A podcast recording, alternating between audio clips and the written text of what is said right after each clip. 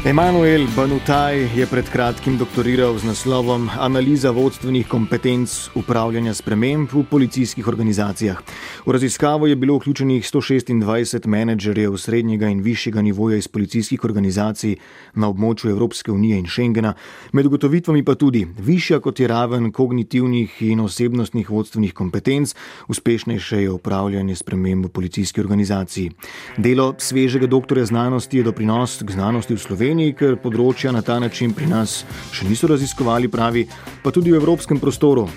So se z merjenjem vodstvenih kompetenc v policijskih organizacijah, predvsem kompetenc za upravljanje s premembami, ukvarjali med prvimi.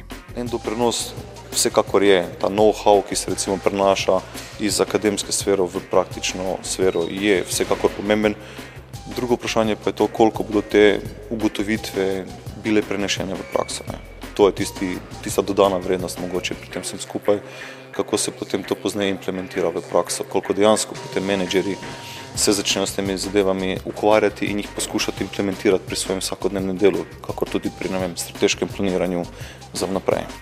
Kar tako in aktualne zadeve. Ob eh, postopanju policije na lanskih demonstracijah je bilo slišati brati tudi očitke o delu policije, da je do neprijetnih situacij prihajalo tudi zaradi ne najboljšega vodenja policistov na terenu oziroma nasploh.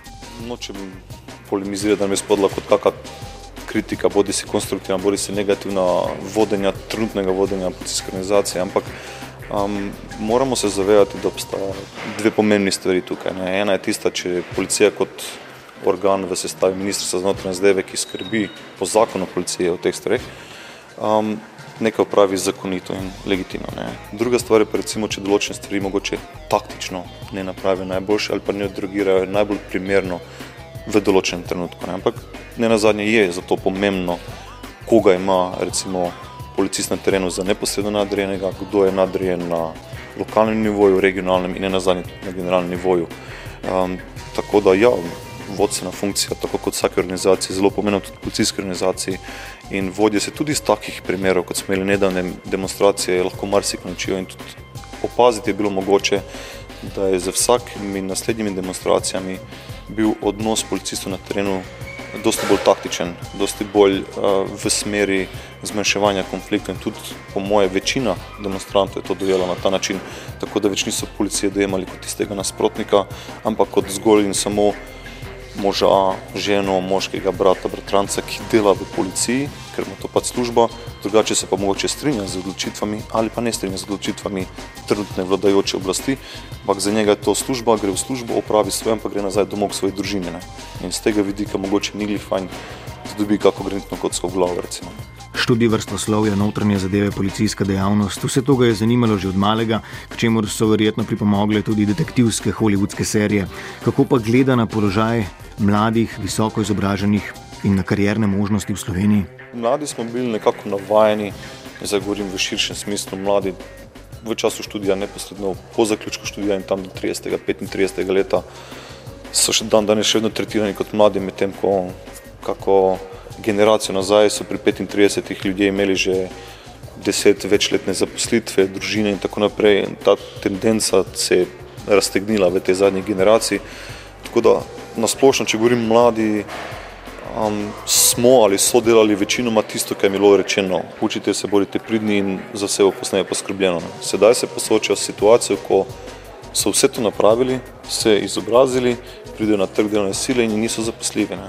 Ni delovnih izkušenj, Eh, mogoče včasih tudi pretirane volje delati za mogoče minimalno plačo, vse na začetku, da se pridobijo določene izkušnje in se potem napreduje po karierni lestvici. Tako da po eni strani razumem mlade, da so nezadovoljni s trenutnim stanjem in to je segment oziroma dejavnik, ki ga lahko potem z lahkoto zmanipulirati v določene, bom rekel, večje razsežnosti nezadovoljstva v državi.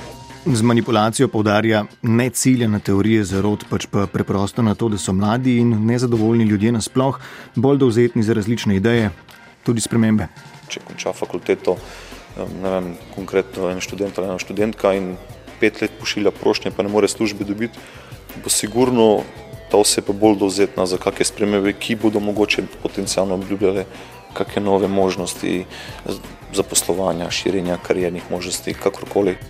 Emanuel Banutaj prihaja z severovzhoda Slovenije, usvojeno znanje na Fakulteti za varnostne vede, službi za evropske zadeve in mednarodno sodelovanje pri notranjem ministrstvu in pa na Fakulteti za organizacijske vede bi težko nadgrajeval in v polnosti koristil v lokalnem okolju. Sicer pa bi z veseljem živel v Lendavi, a sveži doktor znanosti trenutno ostaja v Ljubljani. Če bi bilo možno, bi prej ali slej sigurno šel tudi domov, delal tam, bi pa tudi izkusil izzive, ki jih ponuja tujina, strokovnega področja, eh, pa še ena dilema je pri meni večna. Ne. Sicer eh, ta, da imamo, bom rekel, bogato družinsko tradicijo gostinstva v Lendavi, tako da ta kanček mi je bil skoraj da položen v zipku in me vedno neki odzarjen vragec, mali škraba pod zavesti, kdaj bi mogoče še na tem področju malo prevzel določen del bremena staršev, predvsem mame, ki vodi gostinsko dejavnost. Tako da pustimo čas v čas, no. Trenutno je opet zanimiv projekt, pravi, vezan pa na pogodbo za določen čas. Dela pri slovenski izpostavi Mednarodnega centra za varnost, razvoj in vladavino prava. Obeti so sicer dobri, izzivov ne manjka, bi bilo pa prijetneje biti deležen varnejše oblike zaposlitve za voljo kreditov, načrtovanja družine in podobno.